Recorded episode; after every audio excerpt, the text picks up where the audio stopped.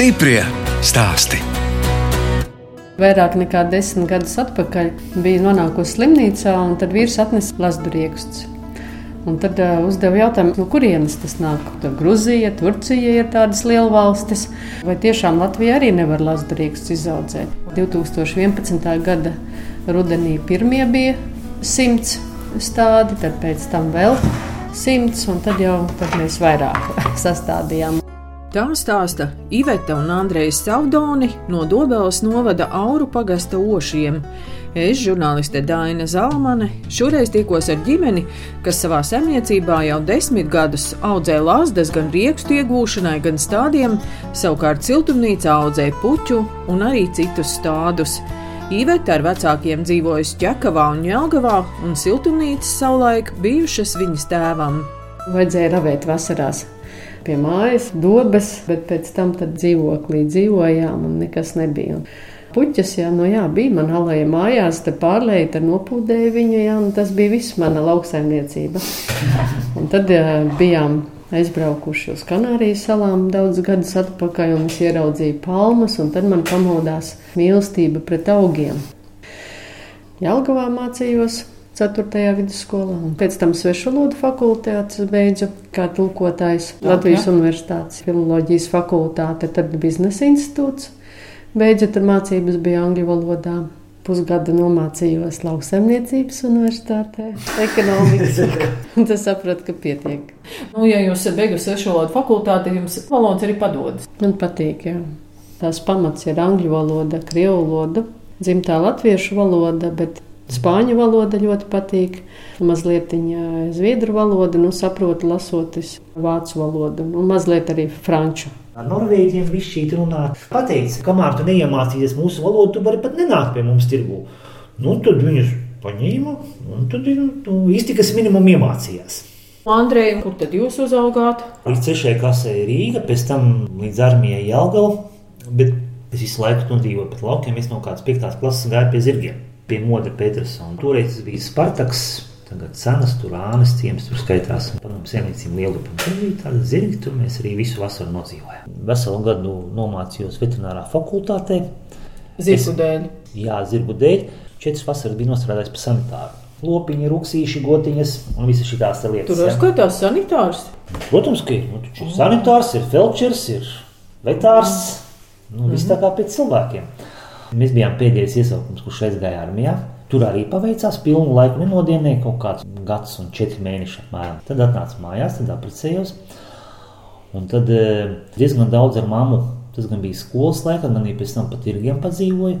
Panākti cep, iepriekšējā dienā un nākušā dienā aizbrauc tādu notirgot, teiksim, ne, un tu vari dabūt 120 līdz 180 rubļi. Stipendija 40 rubļi. Ko jūs cepāt? Bulciņas, pīrādziņus, smalkmaizītes. Tur mamma bija virsvadītājs. Ko viņa teica, to mēs arī cepām. Tad bija tas stāsts, tu aizbrauc tādu, tu pa vienu dienu nopelni inženieru algu. Kādu jēgu tur mācīties? Kaut gan vetārs ciematā, nu, tas bija ļoti cienījams cilvēks. Bet e, bija sākušies tie juku laiki jau. Man bija divas govis tādas, un es teicu, krējumu, uzteicu biespienu, aizvedu uz Rīgu. Sarēķini tur biznesa gandrīz vai 1000% sanāk. Nu, tad jātaisa piena kombinācija. No bankas, no bankas paņēma 2 miljonus. Kamēr būvējās, viena manna jau pusmiljonu maksā, saproties, nu, tu redzi, ka nu, nekādīgi neiet visas pasākums kopā. Vēl bija Krievija vēl vaļā. Bija jau sākusies atdalīšanās, jau muitas, jau tur jau robežsargi jau bija, bet vēl varēja vizināties šurpu turpu. Un tur arī bija vesels stāsts. Un tur bija tas laiks, kad nemaksāja kolhoziem par nodoto produkciju. Pienas vai gaļas kombināciju paņēmis naudu. Nu, mēs ar viņiem runājām. Tas, kurš uzticējās, viņš izrakstīja pilnvaru, mēs paņēmām tāda, tās sieru sviestu desas. Jo viņš bija parādā tur kolekcionam vai saimniecībai gadu, pusotru, divus. Nu, nevar samaksāt. Nu, tad uh, mēs paņēmām, aizdevām. Nedēļas laikā, var teikt, tai saimniecībai nauda atpakaļ bija. Bet pēc tam, protams, kad aizvērās. Ka mums tur pirmās mašīnas tur nostāvēja, tur zini, pa trijiem mēnešiem arestā. Zini, tur bija vienkārši kukuļus prasa. Nu, tad mēs pārgājām tepat uz vietas, un tad mums tā pārtiks vairumtirniecības bāze bija. Kur arī ļoti dabīgi beidzās, teiksim, tad, kad ienāca lielveikalu tīkli, tad viņi palikās tikai tīkli. Andrej, kas jūs esat pēc tautības? Es uzskatu, ka tautība ir tā, kurā valodā tu domā. Tas man bija krievs. Bet viņi bija trīs brāļi, trīs krievi. Divi apprecējās latvietiem, ģimenē runāja tikai latviešu un principā bez akcentu runāja. Nu, trešais tā arī latviešu neiemācījās runāt. Pagājušā gadsimta pašā, pašā sākumā viņi atbrauca tukuma pusē, viņi tur dzīvoja. Un kur tad satikāties abi? Darbā. Tirniecību visu laiku esam nodarbojušies. Bija tāda pārtiks vairuma tirniecība, tāda neliela bāzīte, tur arī iepazināmies. Un tur arī Ivets svešvalodu zināšanas noderēja. Ja? Jā, Jā, atveda pirmo eksporta preci konflikts no Spānijas. bija vēl arī magonis. Ah, jā, jā, jā. Čehijas vedām priekškonduktorijas te rūpnīcā magones. Bet tas Magoņu sēkliņas. Magonu tūku uz bulciņām kaisa. Tas bija interesants piedzīvojums. Pārskaitījumi tajā laikā vēl nestrādāja tādā klasiskā veidā. Tur vajadzēja pat ar čemodānu braukt pakaļ. Robežas čērsošana tas bija vesels piedzīvojums. Ko vedat? Magones. Ko vedat? Magones! Tad no mūsu mašīna tur regulāri kratīja. Pa dienu tikt pāri robežai, tas bija labs rādītājs. Grūts laiks ģimenei bija, kad nodega rūpnīca Dobelē, kur ražoja lucernas granulas. Tā rūpnīca nodega, tas bija traklieta. Tur mēs visu savu naudu pazaudējām, vēl zemnieki, ko bija uzsējuši. Tur kārtējā nesakārtotā likumdošana bija zemnieku kā kooperatīva, tad eh, dalībnieku uzskatīja kā pieinteresēto personu, kā īpašnieku. Nu, vienkārši caurums likumdošanā. Es zinu, ka tagad to likumu ir nomainījuši pēc tāda mūsu gadījuma. Rūpnīca piederēja kooperatīvam. Tur visi bija sametušies. Nu, tā skaitā arī mēs tur bijām vilkuši savu naudu iekšā. Tā kā jā, kāds laiciņš paiet. Mēs arī tur esam kādus gadus trīs uz putrām nodzīvojuši. Kamēr tu atkopies, kamēr tu piecelies, kamēr tu salaidi visas brūces un kamēr tu ej tālāk. Bet nu, vienā jaukā brīdī tu saproti, ka nu, pats vien nesiteiksim, zin, tur pie tā visa tur vainīgs, kad domāšana sāc mainīt. Andrejs vienmēr bijis tāds ar apgriezieniem. Jā, viņam ir ļoti daudz idejas.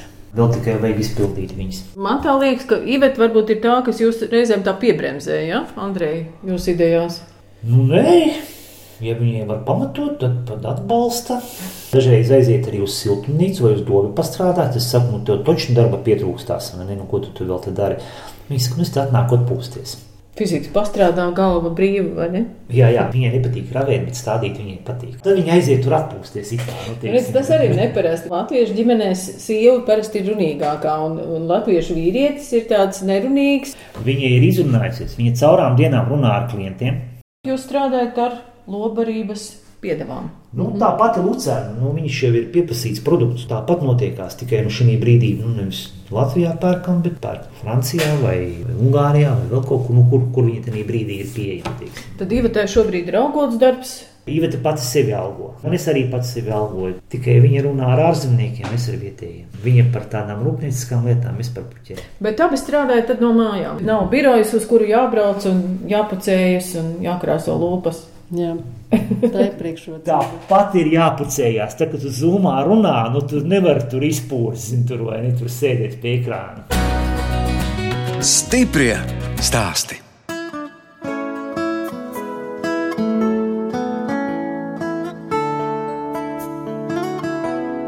Jūs klausāties raidījuma stipri stāstī. Turpinu cīnoties pie Ivetas un Andreja Savdoniem Dobeles novada Auru pagastā.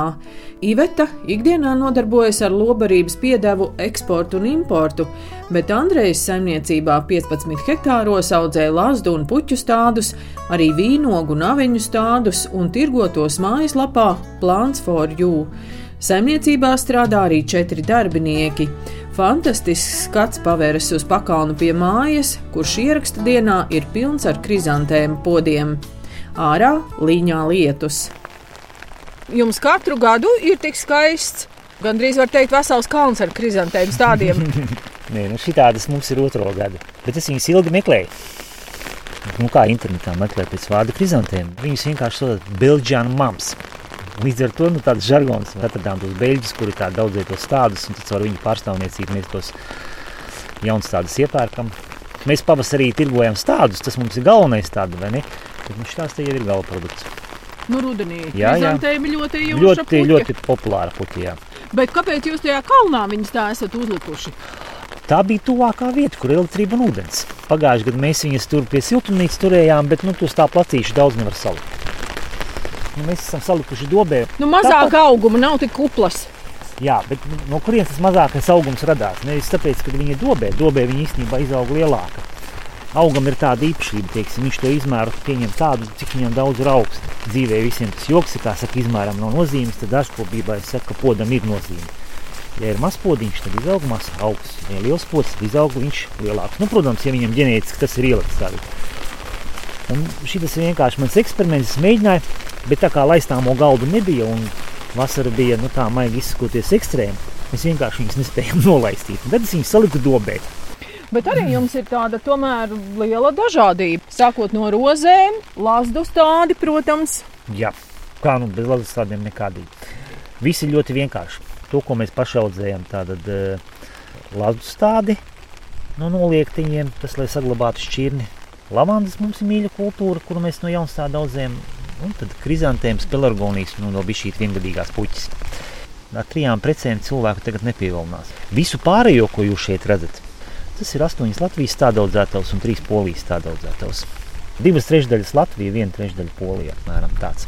Lietus dēļ interviju turpinām virtuvē, un vispirms runājam par lazdām, kas aug divi ar pus hektāros. Sākām pētīt un runāt ar tiem, kas nodarbojās. Piemēram, Salaspils botāniskais dārzs bija tāds kungs, vēl Alfrēds Ripa, kurš Lazdas pavairoja, viņam bija daudz šķirnes, un tad mēs runājām ar viņu, kā audzēt, ko audzēt. Bijām arī Spānijā, pieredzes apmaiņā, Polijā. Nu, tad apmēram sapratām, ka var sanākt biznesa, var nesanākt. Bet gribēšana bija liela. Tad laikā vēl bija lati, un tas stādniņš maksāja daudz, seši. Bet tas bija ar visām atlaidēm. Cik liels tas bija? 30, 40 centimetri. Tas ir tik dārgi. Jā, jā, maziņš. Nu, viņi diezgan lēni aug un viņi no noliektiņiem, tāpēc tur roka darbs diezgan pamatīgs. Ne? Ko nozīmē tas noliektenis? Paņem lazu, noliec to zaru pie zemes, piesprūdi, izrodas to grāvīti vairākās vietās, tad viņi sāk dzīvot dzinumus uz augšu, tad tu viņus pieber. Aplaisti, pieber, aplaisti, pieber, aplaisti. Pēc gada tur ir saknes, vēl pēc gada skoliņā, trešajā gadā viņš arī pie pircēja. No jā. viena zara tad izaug vairāki. Nu, jā, citreiz viens, divi, citreiz, nu, ja tā veiksmīgāk, var kādus četrus, piecus dabūt no viena zara noliektiņa. Bet tas laiks paiet ļoti ilgs. Un šķirnes ir ļoti daudz.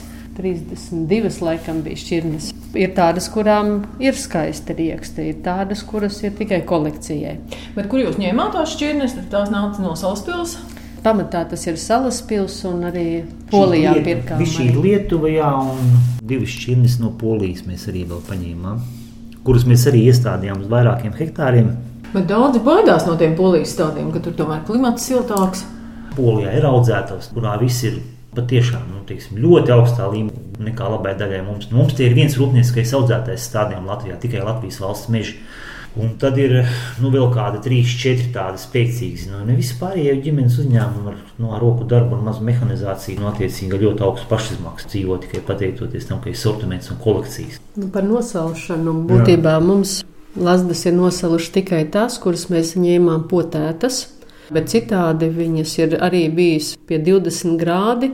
Kailsals, un mēs skrienam ar šķeldu pa lauku, vēl beram, lai viņas nenosaltu. Ne arī tām poļu šķirnēm, kuras polijā augušas ir diezgan uz dienvidiem, nav mm. bijis lasdeita problēma.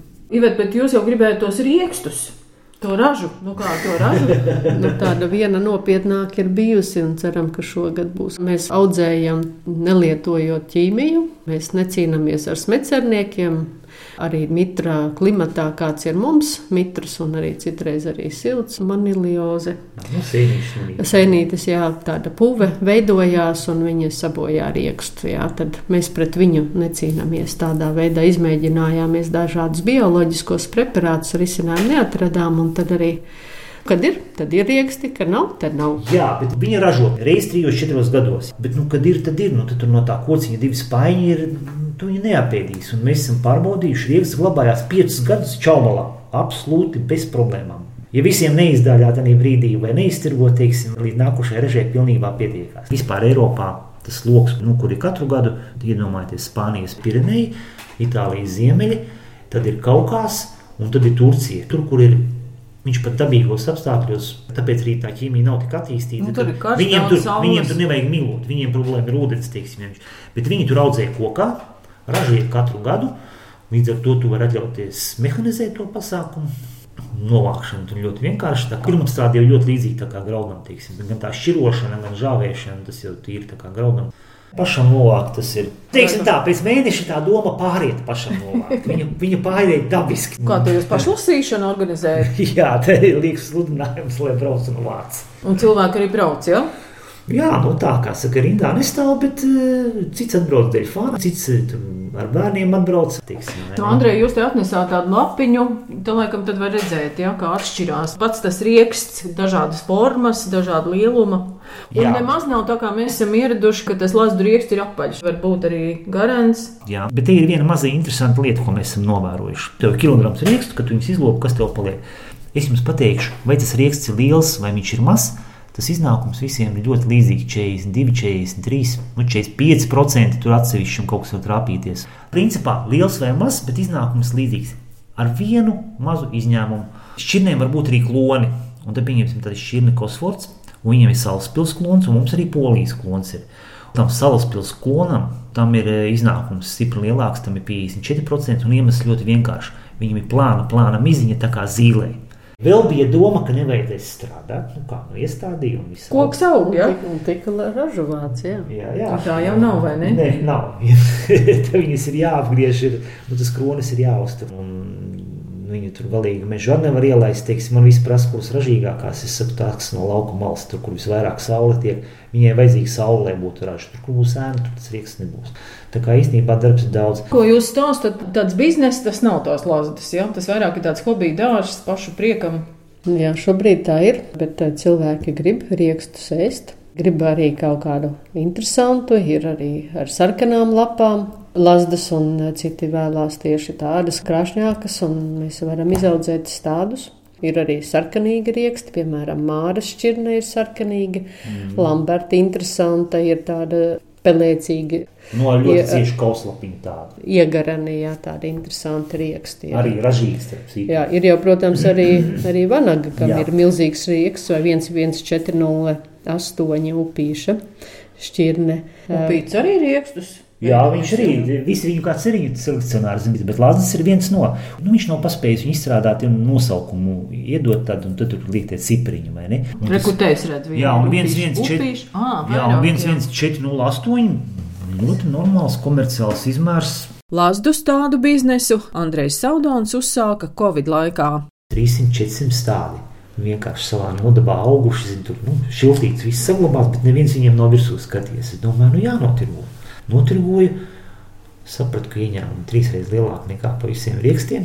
Tad es sāku skatīties uz citām kultūrām. Jo stādu tu vari izaudzēt katru gadu. No nu, rīksts reizes trijos, četros gados, ka tur paēdis nebūs. Bet runājot par to saimniecību, es saprotu, ka jūs arī esat daudz ko izmēģinājuši, ka jūs sākāt ar dārzeņiem, un tagad vairs dārzeņu nav. Jā, taisnība. Lai tas pasākums būtu kaut cik ekonomiski pamatots, tur ir vajadzīgs apjoms. Ko es izmēģināju? Uz ogām, uz bioloģiskām, nu, Rīga ir uz manā izpratnē nepiesātināma. Tur var vest visu kaut nu, nepārtraukti. Uz dārziņiem tikko kā ir sortiments, tur var vest non-stopā. Bet tas ir roku darbs. Pat tad, ja tu viņu vari pārdot, tev ir ļoti daudz cilvēkiem jāstrādā, kas to novāc, un tāpēc mēs viņu palikām malā. Mēs skatījāmies, nu, kur var nomehanizēt un kur nav daudz roku darbs un kur ar mazāku apjomu, teiksim, to varētu. Un tad mēs pārgājām. Nu, pie tiem stādiem. Viens bija tā, tas krizantēms, man viņas vienkārši patika. Ko vēl? Es tā arī prasu tiem jaunstādiem piegādātājiem. Nu, iedodiet tādu muļķu drošu kultūru. Kas izaugs jebkuram, ja? Nu, iesācējiem. es saku, bigonijas patīk. Viņš ir, nē, nē, tur nevien iekšā sākuma. Nu, lavandas, protams, teiksim, nu, arī tās mums ļoti patīk. Bet eh, no nu, ar četrām, piecām kultūrām tu to pircēju nepiesaistīsi pie šīs pašreizējās daudzveidības. Nu, un tad visu pārējo mēs ņemam no kaimiņiem, no sadarbības partneriem. Mums pašreizējā brīdī kā desmit Latvijas tādā audzētājs ir ne un trīs polijas tādā audzētājs. Tad jūs faktiski arī ar tirzniecību nodarbojaties? Jā, tur savādāk nevar. Un tad tas mūsu galvenais trumps ir tas, ka mēs viņus pievedam klāt. Mazos ar omnivu Lielos pavasarī un rudenī tad esam to lielo tūri, bet tas tuvākais reģions to mēs redzam divreiz, trīsreiz nedēļā. Nu, tepat Jālgava, Jūrmala, Rīga, Pierīga. Tāda. Pasūtījumu tad pietiek. Sūdzēties nevar, bet nu, vēl bišķīt vajag paaugties. No tiem dārziņiem jūs esat tā teikušies, bet mēs tur skatījāmies, ka jums tomēr diezgan daudz vīnogas un arī avenes tur daudz un dažādas šķirnes. Jā, nu tam ir ļoti vienkārši iemesls. Nu, tu kaut ko tirgo, teiksim. Cilvēks, protams, ka prasa. Kas pašķirna, vai tur aug, vai tur atbilst tā kā tam bildītam? Nu, ko tu vari atbildēt, ja tu to neesi pats iestādījis? Tad mēs viņus saucam par dēmo dobēm. Mēs tur esam iestādījuši, lai pārbaudītu, nu, kāds klimatis vai tā avene, teiksim, vai tā vīnoga. Visu nav iespējams iestādīt, cik varam tik iestādījām. Vismaz ēdamās lietas. Un rudens Ah, un vēl, jā, un vēl tās eksotiskās vistērijas, tur tāda citronliāna, tur goģi, teiksim, citu kāpsis sācis ziedēt. Ir. Tas ir vītiņa augstāks. Spānijā viņš bija liels un ziedēja jau divus mēnešus atpakaļ. Bet mēs apstājāmies vietējiem, arī bija bildes ziediem. Nu, tā kāpšas tāda ir. Ko vēl gribat izmēģināt? Ne, izmēģinājumi pietiek. Tagad jādabūna efektivitāte un tā, lai tas pēc biznesa izskatītos. Nu, nezinu, vai tā varbūt pēc lasdām vēl kaut kādas ieceras ir. Nē, nē, pietiek. Pietiek, jā, ar vienu eksperimentu. Tas, kurš pastrādā, tas to saprot. Nu, katra lieta tev ir jāizkož. Tas nav tā, čiks un gatavs. Laiks tas ir, tā ir nauda. Kamēr tu tur ko tev par to laiku neviens nemaksā, aiztev tāpat vai kaut ko. Jūs bijāt tā kā zināmi ar nosaukumu zemnieku saimniecību boši, un tagad ir tāds anglisks nosaukums. Nu, Viss ļoti vienkārši. Mums ir diezgan liela pieredze importā un eksportā. Es kādreiz pats to darīju, un tagad Iveta vēl joprojām to dara. Mēs jau pašā sākumā tādu domu paņēmām, tādu, lai mēs varētu eksportēt, un līdz ar to ir tas izskaidrojums, tas ārzemnieciskais nosaukums. Bet, protams, kad ir sākums jāstrādā Latvijā, jo tur ir kaut zem niansēm ar piegādēm, ar iepakošanu, loģistiku, teiksim tā, nu, pareizi loģistika puse no uzvaras. Bet tās ārzemes, tās būtu Baltijas valstis. Sāksim ar Baltijas valstīm, un pēc tam skatīsimies tālāk. Stiprie stāsti.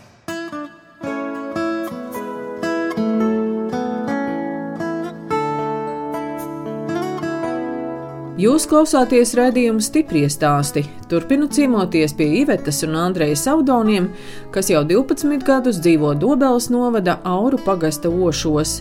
Lauku īpašumu saimnieki sākuši meklēt pēc 2008. gada krīzes, un tagad pļavas vietā uzcelta māja, uz kuras jumta jau uzlikti saules paneļi. Tie paši poļi, viņiem tur bija tāda, trīs tādi lieli katalogi gataviem projektiem. Tu viņu paņem, apskaties, izvēlies, kuru tādu gribi. Bet tā kā būvēja, kad tu redzi to telpu un izmēru dzīvē, tad pēc tam vēl pāris izmaiņas ielikām iekšā. Apkures veidu, kādu tad jūs izvēlējāties? Zemes siltumsūknis, siltrība. Vienkārši arguments, ja tu strādā no rīta līdz vakaram, atnāc mājās, un, jo malks apkurums ar diezgan ilgi bija, tad mēs tā nolēmām, labi, šeit mēs tādu uztaisīsim. Nu, redz, mēs aizgājām tur apskatīt avenes vīnogas un pamanīju, ka viss jumts ir pilns ar saules paneļiem. Kad tos jūs uzlikāt? Tos mēs uzlikām šogad. Visu laiku tas atmaksāšanās termiņš bija apmēram 12, 15 gadus. Nu, tur rēķinīja kā 20 gadu eksploatācijas laiks. Bet nu, pie šitām cenu cēlieniem, kad tu saņem pirmo rēķinu par 400 eiro, Par elektrību? jā, jā par elektrību. Nu, bet jāsaprot, mums uz elektrību mājās ir viss. Apkurē, ūdens, leduskapji, gaismas, tur laistīšana uz elektrību, viss. Un plus vēl pamatīgs bonus bija, ka viņi iedod nomaksu uz tiem pieciem gadiem. Un tas ir ļoti svarīgi. Jo tas cipars diezgan palielina sanāk tā investīcija, teiksim, bet, nu, iedod uz nomaksu, tad ir viss kārtībā. Tad tu vari pacelt to pasākumu. Nu, un kā samazinājās tas rēķins? Tagad mums viņas tikai pusotru mēnesi ir, un mums pusi uz pašreizo brīdi. Piemēram, pagājušais mēnesis mēs patērējām no tīkla 600 un tīklā nodevām 800. Teorētiski man vajadzētu, nu, kā saka, rezervēt palikt pāri, bet nu, tāpat kaut kāds 140 eiro samaksāja. Precīzi, es domāju, pēc diviem, trim mēnešiem es varēšu pateikt. Saimniekiem ir četri bērni - Bruno, Rolands, Sindija un Samanta. Man bija pirmā laulība, no turienes ir viens bērns, bet tas ir liels puika, 26 gadu viņš jau pats nostājas kājām. Šeit uz vietas mums ir trīs. Tātad Rolands, nu jūs redzējāt, tas, kurš tādus aizved. Tas nu galīgi nav viņa sapņu darbs, bet um, viņš aizgāja no 4. kursa. Kursa darba puses palicis bija tikai šis te sekmes labs, starp citu, mācījās? pārtiks tehnologs. Es ne, ne, negribu tagad šeit palīdz. Nu, divas meitenes vēl. 11 un 14 gadi. Viņas arī diezgan daudz palīdz. Tur ir pats galvenais radīt interesi. Mazākā uz tādiem maziem ekspresa darbiem, teiksim, ne, bet nu, lielākā tā jau diezgan nopietni jau palīdz. Protams, ka tur nevar visu dienu noturēt uzmanību. Bet uz kādām divām, trijām stundām tas ir ļoti labi. Un tad ir klienti atbrauc, viņi apkalpo. Nu, arī nu, tu sēdi, ēdi pusdienas, un tur piebrauc mašīnas. A, viņām patīk, viņas čiks laukā. Ir tur neliela ekonomiskā ieinteresētība arī, protams, bet nu, patiešām nu, neliela simboliska. Par mājas darbiem netiek maksāts nekas, bet tas, kas notiek siltumnīcā vai uz plača, nu, tur, kur skaitās biznesa sadaļa, tiek maksāts tur vai par apkalpošanu, vai par pasūtījumu vākšanu, vai tur atkal tur kaut ko tur pogo vai tur līmē etiķetes vai vēl kaut ko, nu, par to apmaksā. Vienmēr visiem arī prasa par vaļaspriekiem. Man vaļaspriekiem ir tā. Man ir līdzīgi tā kā Iveta. Viņai patīk valodas mācīties, un man vienkārši mācīties. Nu, tad es mācos tagad Latvijas dienētikas centrā. Iveta jau puksts sagroties, 50 gadi galīgi dūls palicies, bet nu jau ir pieradusi. Jā. Viens no populārākajiem pakalpojumiem tur ir dzīves uzlabošanas kursi. Vienkārši aizēja, kaut kādu noteiktu tēmu tādu izmācies un maz niansīt, vēl pielietot. Izmācīties mēs mākam daudzas lietas, bet to pielietošana ir tā, kā saka, stipri bēdīgāk. Bet nu, es vēl esmu arī ceļa sākumā, tā vienkārši runājot. Vīrs teica, ka jums ir vaļasprieks valodas. Jā, ja sanāk laiks, kādreiz centos katru nedēļu vai pa divām nedēļām, nu tagad mazāk. Bet jā, tā ir iespēja būt kaut kur citur. Braucot kaut kur uz kursiem, Mācos mājās? es mājās, bet es lasu par to valsti. Tad tu esi tā kā jā, Zviedrijā, tu esi Spānijā. Nu, redz, mēs te ar Andreju par bērniem runājām. Viņš teica, meitas tādas runīgas, meitas ir Andrejā vairāk iedzibušas. Laikam. jā, jā, Rolands tad manī jau. Viņš tāds klusāks. Nu, bet kopīgi vaļasprieki. Citādi izklausās katrs savā istabā, viens valodas, viens vēl. Reizi gadā kaut kur aizbraucam, kaut kur ārpusē. Nu, tur šogad bijām Spānijā. Kaut kur iznomājām kādu apartamentu, tad ar mašīnu tur pa pašu pa savu maršrutu. Mums ir kino vakari katru sestdienu. Jā. Nu, ko jūs skatāties? Pēdējais īveti gribēja apsīties Luīda Finesi, tos vecās filmas, kādas piecas vai sešas komēdijas bija. Un tad uh, Čelentāno skatījāmies arī. Mums. Nu, tādas vecākas filmas. Nu, ja? nu, Nē, dažādas video kaut kas priekš jauniešiem arī, nu kaut kas no jaunāka arī tur Nu, trāpās. tas, kur nav vardarbība, tas, kur ir var bērniem rādīt, jā. Piedzīvojumi filmas. Nu, redz, tikko Ivets mamma ienāca. Mammas taču arī dzīvo kopā ar jums. Ja? Jūs abu mammas. Jā, mana mamma dzīvo teiksim, vienkārši apstākļos, spiest viņu uz ratiņiem. Ir Aivets mamma mums trīs dienas nedēļā palīdz saimniecībā. Tad ēst sagatavot, tad priekšā dobas ir, kur tā izravē, teiksim, tad vēl māju palīdz satīrīt. Trīs dienas nedēļā. Viņa mums ir aktīva meitene. Mums palīdz, ja tur vēl divas meitas ir. Tad viņa vēl par apkopēju piestrādā. Tad viņai diezgan aktīva sabiedriskā dzīve vēl ir. Kā saka, tad, kad pret to meiteni, tad jau jāskatās, kāda tā sievas māte, cik aktīva un rosīga. Kāda sievas māte, tāda būs arī tā meita. Jā, tur es kļuvu ļoti uzmanīgs ar savām vēlmēm. Gribēju, lai mana sieva būtu ļoti, ļoti strādīga. Un trakums, nu, viņa Pa daudz strādīga. Pa Ja? daudz strādā. Nē, viņa, jā, viņa līdz 11. vakarā mierīgi var nomokt. Vēl kāds sapnis jums ir? Mieres uz zemes un cilvēkiem labs prāts. Tur, protams, kad ir vēl tāls ceļš ejams, bet nu, katrs savā frontē mēs strādājam. Ja cilvēki ievērotu tie principi, kas ir Bībelē aprakstīti, tad mums te būtu gandrīz paradīze. Tad mums karu nebūtu, tad mums ģimenes būtu stipras. Bērni arī būtu skolās pieklājīgi un cienītu viens otru, bet, eh, diemžēl, cilvēki rīkojās tā, kā viņi rīkojās. Un iznākums ir likumsakarīgs. Nu, ko nozīmē vārds liktenis? Liktenis nozīmē to, nu, ja tu nekā nemainīsi, tad tā arī notiksies. Veselīgs dzīvesveids, tātad man es tur nevaru teikt, pats ar esmu pīpmans, bet nu, it kā loģiski, teiksim, nu, apsties statistiku, nu, tāds arī liktenis tevi sagaida. Tātad. Bet tas ir domāts nu, tikai no tāda viedokļa, ja tu nekā nemainīsi. Tā ir labā ziņa, var mainīt. Un tajā brīdī, kad tu saproti, kas ir par iemeslu, kāpēc tā esi rīkojies, tad, kad tu to saproti, tad tu vari kaut ko mainīt. Kamēr tu nesaproti, tu nekā mainīt nevari. No sākuma ir saka, nu, jāierauga tā lieta.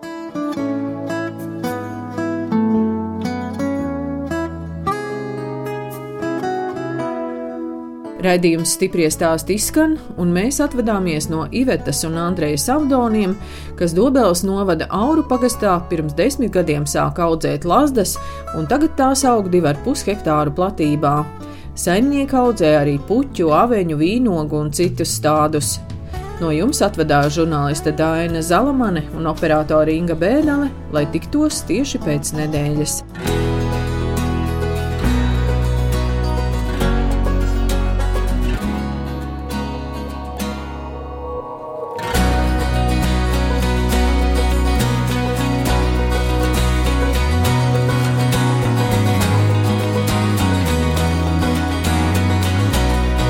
Stiprie stāsti.